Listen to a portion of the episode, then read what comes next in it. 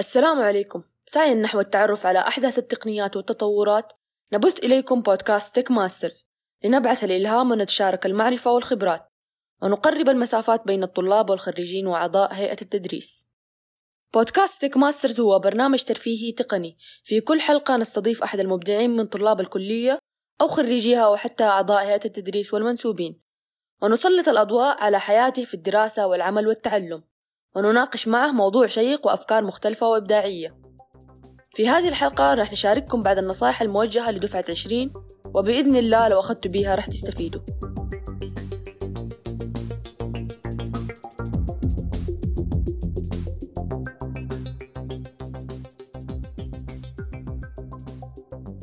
مرحبا محدثتكم أسماء الأهدل طالبة علوم حاسبات في جامعة الملك عبد العزيز. أولا مبارك لكم قبولكم في أفضل كلية في الجامعة كلية الحاسبات وتقنية المعلومات. بداية فكرة الدراسة بعد الإجازة الطويلة وبعد التعلم عن بعد وأول سنة في الكلية وكون هذه مرحلة مهمة ونقطة تحول في حياة كل شخص هذه الأمور كلها هي تحدي كبير. وبإذن الله أنتم لهذا التحدي. قد يتملك البعض منكم شعور الحماسة أو السعادة أو الخوف أو التوتر وربما يكون مزيج من هذه المشاعر. وهذا الإحساس طبيعي جدا. وللمحافظة على المشاعر الإيجابية والانطلاق بقوة في هذا الطريق لابد من إعداد العدة والاستعداد. وسوف يتمحور حديثي عن الاستعداد في الحاضر والاستعداد للمستقبل. من المهم أن تضعوا في الحسبان بأن نظام الدراسة في الكلية يختلف تماما عن نظام السنة التحضيرية. فلدينا اختبارات قصيرة واختبارات نصفية واختبارات نهائية بالإضافة إلى الواجبات والمشاريع وربما يكون مع المشروع عرض تقديمي وتقرير. قد تكون فردية أو جماعية وهذا الأمر يعود للمادة والدكتور. في البداية سوف تشعرون بالضغط وكثرة المهام لكن سرعان ما تتأقلموا ويصبح هذا الضغط روتين يومي لطالب الحاسبات وحتى تكون في منطقة الأمان وتستمتع بالدراسة لا تراكم جل المنهج في ليلة الامتحان. فهذا أسوأ سيناريو يمكن أن تتخيله. ذاكر أول بأول سترى المنهج سلس ومفهوم وسيكون لديك متسع من الوقت للأنشطة الخارجية. وحينما يحين موعد الامتحان ستكون مستعد له. ومن المهم التنويه على ما يسمى بالسيلابوس وهو بمثابة خطط المنهج الدراسية. وأهم ما فيه مخرجات المادة لأن أسئلة الامتحان غالبا منها بالإضافة إلى غيرها من الأسئلة. وإذا كان بالإمكان قراءة الدرس والتحضير له قبل موعده سيختصر عليك هذا الفعل جهد كبير في الفهم والاستيعاب. وفي ظل أجواء الكلية لا تنسوا أن تحبوا المواد وتستمتعوا بدراستها مهما كانت صعبة ومهما كانت الظروف سيئة لأن الأثر النفسي ينعكس على الأداء والفهم والدرجات. ولا تستحوا من السؤال فكلنا طلاب علم والسؤال يكون آخر وسيلة بعد المذاكرة والبحث والجد والاجتهاد. وسيكون سؤالك محل ترحيب الجميع من دكاترة وطلاب أكبر منك سن أو من زملائك في نفس الدفعة. ومجتمع كلية الحاسبات مجتمع متعاون بحق. ولا تنعزلوا بذواتكم. تعرفوا على أشخاص يشاركوكم نفس الأهداف والأحلام ويساندوكم في الطريق. وكونوا صبورين على أنفسكم وعلى الضغوطات. وعلى أخطائكم وتعلموا منها. وتنظيم الوقت مهم جدا جدا في الإنجاز. في السنة التحضيرية كان الجدول ثابت بدون حذف أو إضافة. في الكلية أول ترم سيكون الجدول عام وجاهز وثاني ترم تخصص. وكل تخصص له خطة خاصة فيه. ولا بأس في إعادة ترتيب الخطة الدراسية بما يتناسب مع القدرات الشخصية وبما تراه مناسب لك بدون مبالغة. وإياكم إياكم. أن تحذفوا مواد البرمجة لأن أغلب مواد الحاسبات تعتمد عليها. أما بالنسبة للمواد الحرة والعامة فيفضل إنهاؤها في أسرع وقت للتفرغ لمواد التخصص. والمواد الحرة هي أي مادة خارج الخطة الدراسية ويلزم إنهاء تسع ساعات للتخرج. أما المواد العامة فهي العربي والثقافة. ونصيحة مهمة لا تقارن لا تقارن لا تقارن نفسك بكائن من كان. كل إنسان له تجربته الخاصة وظروفه الخاصة ووقته الخاص ورحلته الخاصة. الشخص الوحيد الذي تقارن نفسك به هو أنت لا غيرك. وليس من المنطق أو العقل أن تقيس وتقارن تجربتك التي لم تبدأ بعد ولم تخطو فيها خطوة واحدة بتجربة غيرك. حاول أن تعيش تجربتك بكل ما فيها. ليس من الخطأ أن تسأل وتستشير منهم أكبر سنا منك وتستفيد منهم. لكن لا تحصر فكرك وتجربتك بتجربة غيرك.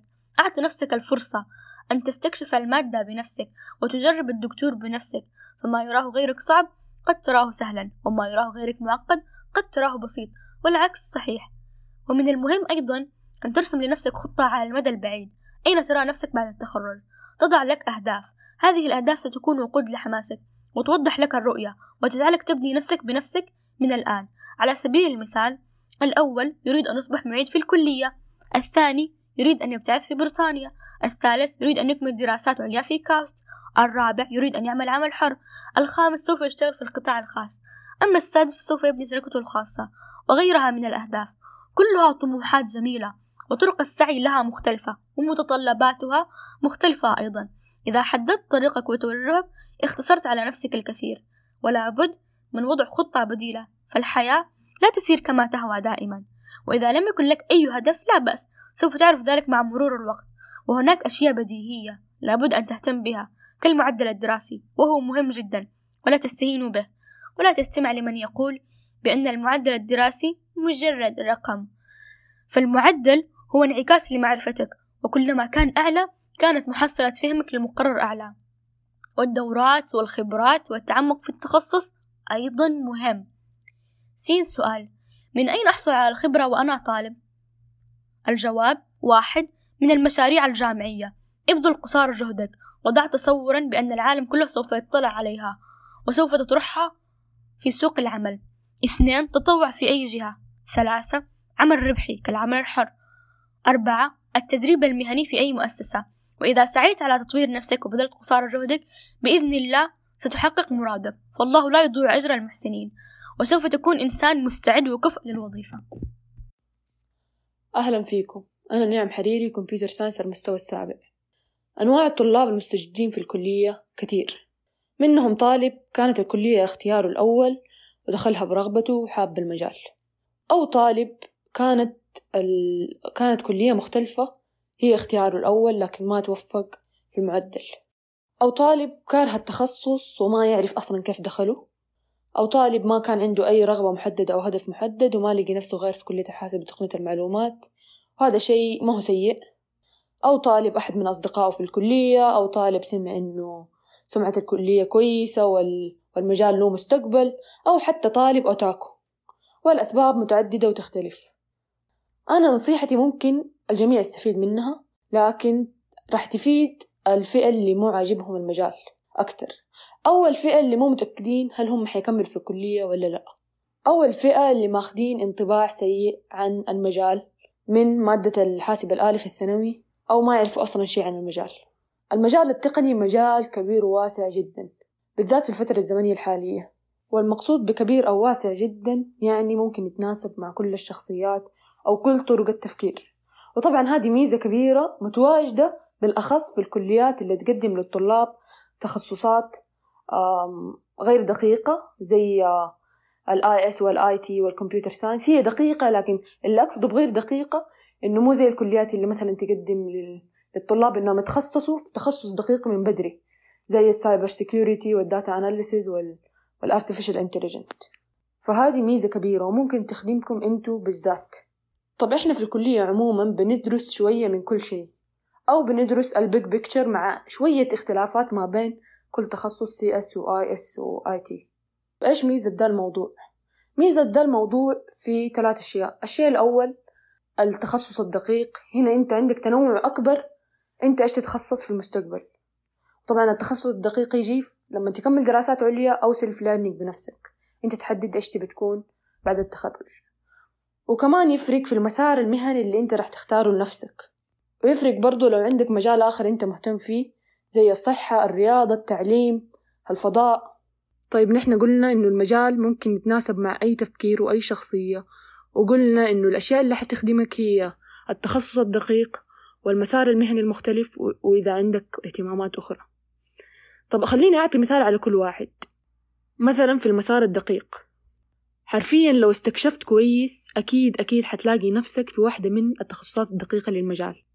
مثلا أنت شخص مبدع أكتر وما تحب التعقيد وتحب التصاميم أو تصميم الأشياء هنا ممكن تلاقي نفسك في واحدة من التخصصات اللي اسمها UI أو multimedia أو حتى ال front-end development لو مثلا لا عادي ما يهمك تحب التعقيد تحب الرياضيات تحب ال puzzles هنا ممكن تتخصص في الديتا اناليسيز في الارتفيشال انتليجنت وفي الالجوريثمز أو النتورك لو أنت أكتر تحب تتعامل مع الناس ممكن تتخصص في ال UX ممكن تتخصص في ال project management في ال software engineering إذا تحب ال business ممكن تتخصص في ال fintech وإذا تحب صنع الأشياء أو تحب البرمجة ممكن تتخصص في ال application development أو ال web development أو حتى ال game development وطبعا في أشياء كتير كتير كتير أنا ما ذكرتها. هذه أمثلة بسيطة جدا.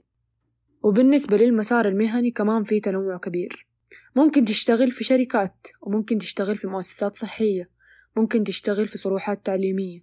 الشركات ممكن تكون كبيرة أو صغيرة أو ناشئة وطبعا طبيعة العمل حتختلف في حجم الشركة وهدف الشركة. ممكن تشتغل في شركات تقنية بحت وممكن تشتغل في شركات تجارية متنوعة صحية تعليمية. ممكن تشتغل في صروحات تعليمية زي المدارس كمعلم أو في الجامعات كباحث أو أكاديمي أو إداري. ممكن تشتغل في مراكز بحثية أو في فرق البرمجة بحيث إنك تمارس البرمجة في فريق تطويري. وفي كل واحدة من اللي ذكرتها ممكن تكون part-time أو full-time أو ممكن تاخد مسار ال freelancing أو العمل الحر بحيث إنك تكون مدير نفسك. أو ما حد يدري ممكن تجيك فكرة كويسة تحول فكرتك لشركة ناشئة. وبالنسبة لموضوع الاهتمامات الأخرى المجال التقني مجال تقدر تدمجه مع اهتمامات عديدة سواء كانت الطب أو الهندسة أو علوم الفضاء أو الرياضيات أو الفيزياء. مثلا من التخصصات الموجودة اللي تدمج الصحة بالتقنية آه تخصص ال neuroscience تخصص ال cognitive science تخصص ال bioinformatics من التخصصات اللي تدمج الفيزياء بالتقنية تخصص ال quantum computing وغيره كثير. يعني باختصار إنه يكون عندك مجال آخر أنت مهتم فيه هذا أكيد أكيد أكيد حيفيدك بشكل أو تقدر تدمجه بشكل ما مع المجال التقني أو مع تخصصات كليتنا. طبعا ده شيء ما حيخليك تمل وحيخليك تستمتع في رحلتك أكتر. فنصيحتي الأساسية أعطي الكلية فرصة وأعطي المجال فرصة وحاول تكتشف مظبوط ونمي مهاراتك من جوانب مختلفة ونمي مهاراتك من التخصص اللي تحبه وحاول تدمجه بالمجالات التقنية لأنه أكيد أكيد حتلاقي نفسك في مكان ما. معكم أخوكم أحمد العصيمي طالب information technology بالترم الثامن بجامعة الملك عبد العزيز. ممكن في وقت سماعك لكلامي تكون طالب مستجد على الكلية واخذت فكرة عامة عنها أو ممكن تكون طالب دخل الكلية أساسا ودرس بعض المواد. وفي كل الحالتين ممكن يكون عندك اهتمام معين أنت حاب تتوسع فيه. بشكل عام المنهجية وال roadmap اللي تتبعه عشان تتعلم شيء جديد تبدأ بأنك تختار مجال أنت مهتم فيه. والمجالات جدا كثير. ممكن يكون اهتمامك في ال web development اللي ينقسم إلى قسمين ال front-end development واللي يتعلق بتصميم الواجهات وال back-end development اللي يتعلق بال server وقواعد البيانات وغيرها من الأشياء. وممكن يكون اهتمامك في تطوير applications الجوال سواء كانت ل iPhone عن طريق لغة Swift أو ل Android عن طريق لغة Java أو Kotlin أو باستخدام framework موحد مثل React Native تكتب فيه الكود مرة واحدة ويشتغل على جميع المنصات.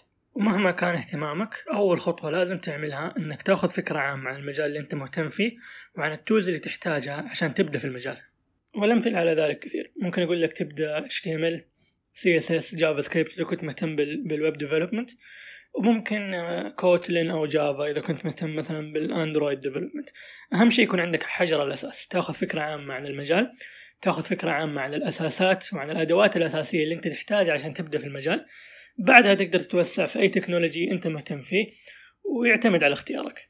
عملية البحث تبدأ بأي خطوة ممكن تتخيلها في دماغك. بعضهم يروح يقول لك أنا أبغى لي roadmap أبغى واحد يقول لي مثلا لو واحد اشتغل في المجال هذا أو أتعلم منه يقول لي وين أبدأ وين أنتهي؟ يعطيني خطة أمشي عليها. بعضهم يقول لك لا أنا بروح والله أبحث في جوجل مثلا أبى أشوف الأدوات اللي أنا ممكن أشتغل عليها وأختار يناسبني الطرق جدا كثير. أهم شيء إنك في الأخير تأخذ فكرة عامة عن المجال قبل ما تتعمق.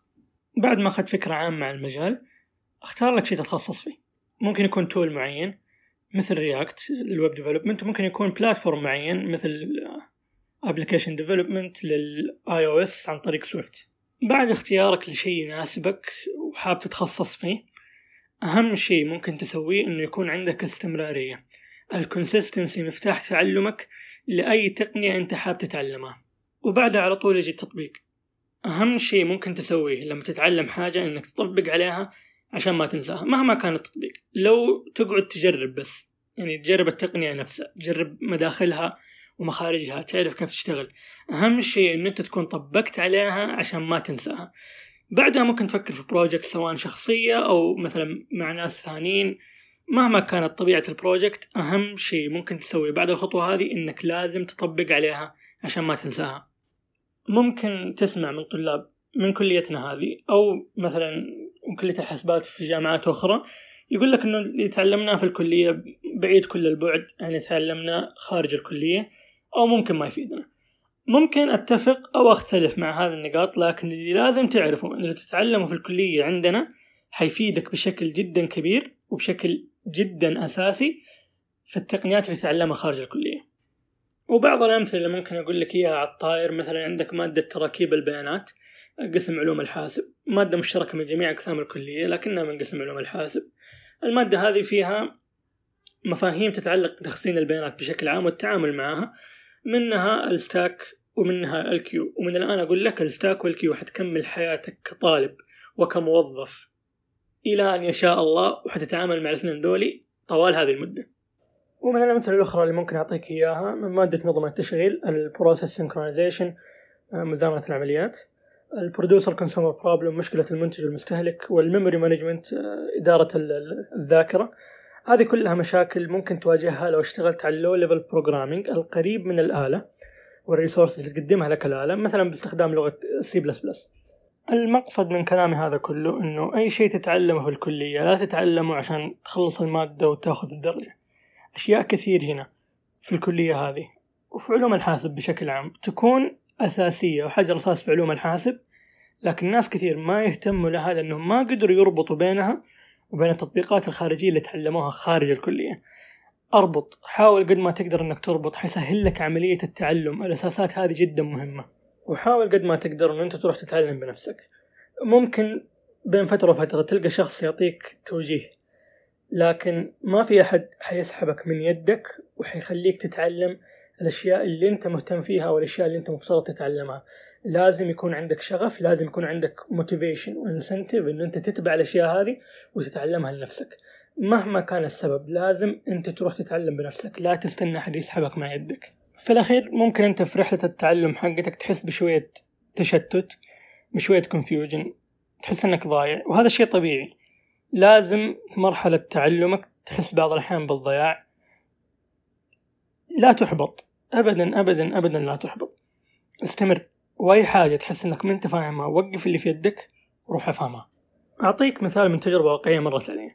أنا شخص مهتم بال web development بشكل عام. آه، مرت علي فترات أتعلم حاجة بس أحسها too advanced مرة متقدمة بالنسبة لي. الشيء هذا أو الشعور هذا أو الإحساس هذا ما وقفني من إني أقرأ عن الشيء اللي أنا ما فهمته. مرات كثير يعني كمثال مر علي ال MVC model view controller هذا software design pattern أنا ما ما حقول لك عنه الآن. بخلي موضوع البحث عنه لك إذا أنت مهتم لكن مر علي هذا الموضوع ما فهمته وقفت اللي في يدي ورحت أخذت عنه فكرة عامة ورجعت وكملت اللي كنت شغال عليه. وهذا يعتبر مثال. يعني حتمر عليك أشياء زي كذا. لا تحبط ولا توقف. كمل في اللي أنت فيه. مر عليك concept ما أنت فاهمه أقرأ عنه بشكل بسيط. لا تتعمق فيه عشان لا تتشتت.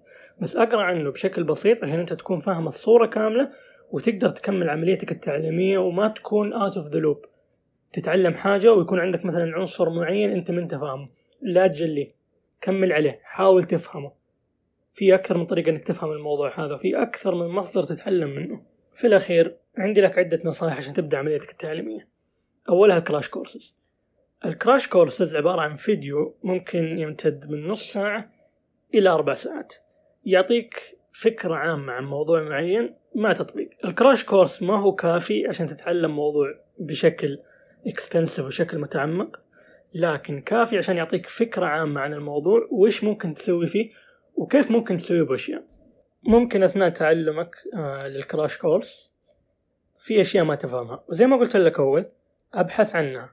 وقف خذ فكرة عامة وارجع كمل دراستك. ثاني نصيحة ممكن أعطيك هي اللي هي ال documentation كل tool ممكن تلقاه سواء Node.js React React Native jQuery Django أو أي واحدة من ال tools اللي أنا ذكرتها. كل واحد منهم له documentation إيش هو ال documentation ال documentation عبارة عن ملف أو مجموعة ملفات تركها لك صاحب ال technology أو الفريق اللي اشتغل على ال technology عشان يشرح لك هي.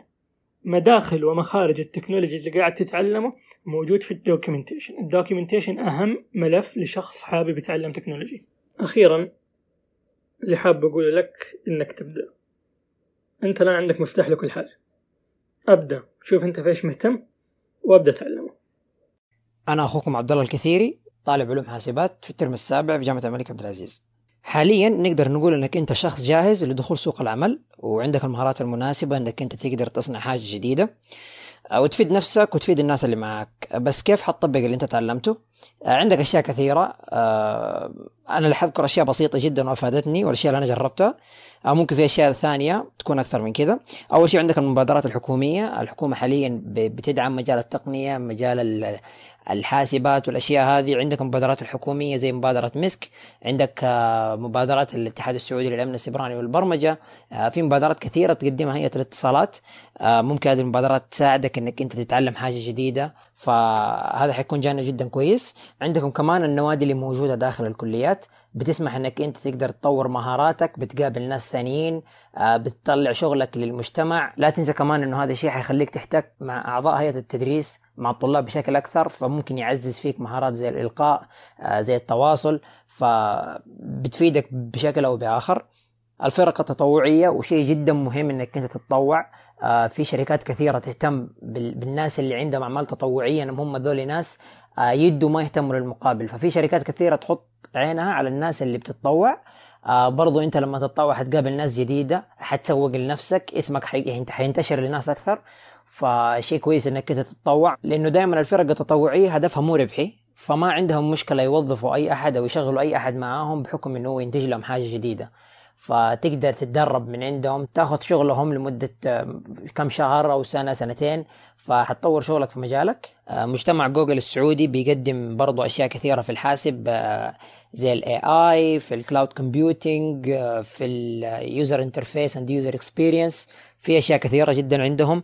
برضو في مواقع زي موقع خمسات وموقع تسعة عشر. آه هذه مواقع لل freelancer اللي بيعملوا عمل حر فممكن إن هي تفيدك برضو وتطور من مهاراتك. آه طيب بعد هذا كله لازم تهتم بال CV حقك وتسوق لنفسك.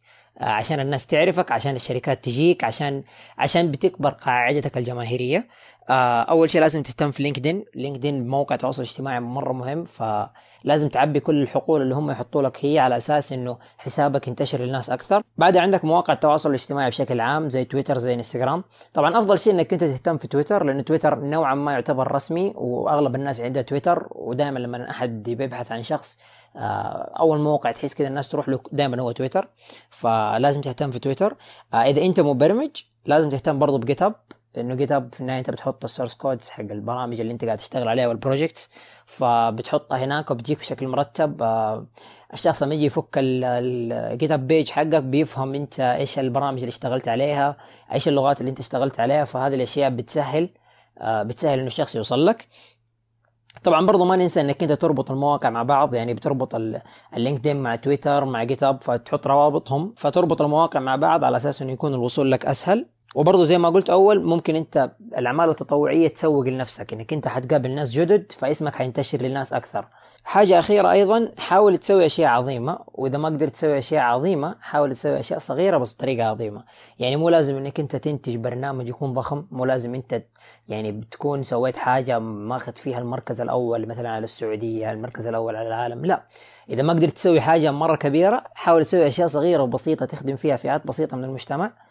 بس بطريقة كويسة بطريقة نظيفة بطريقة تميزك انت عن غيرك. آه هذا الشيء جدا حيفيدك خصوصا إنك انت شخص آه لسه في بداية الطريق فما عندك اسم ما عندك آه، قصدي اسم ما عندك اسم في السوق ما حد يعرفك ممكن. آه، ما عندك القاعدة الجماهيرية الكبيرة ما عندك الانتشار اللي واسع في مواقع التواصل الاجتماعي. فدائما الأشياء البسيطة هذه هي اللي بتنشر اسمك وبتخلي الناس تتعرف عليك بشكل أكبر.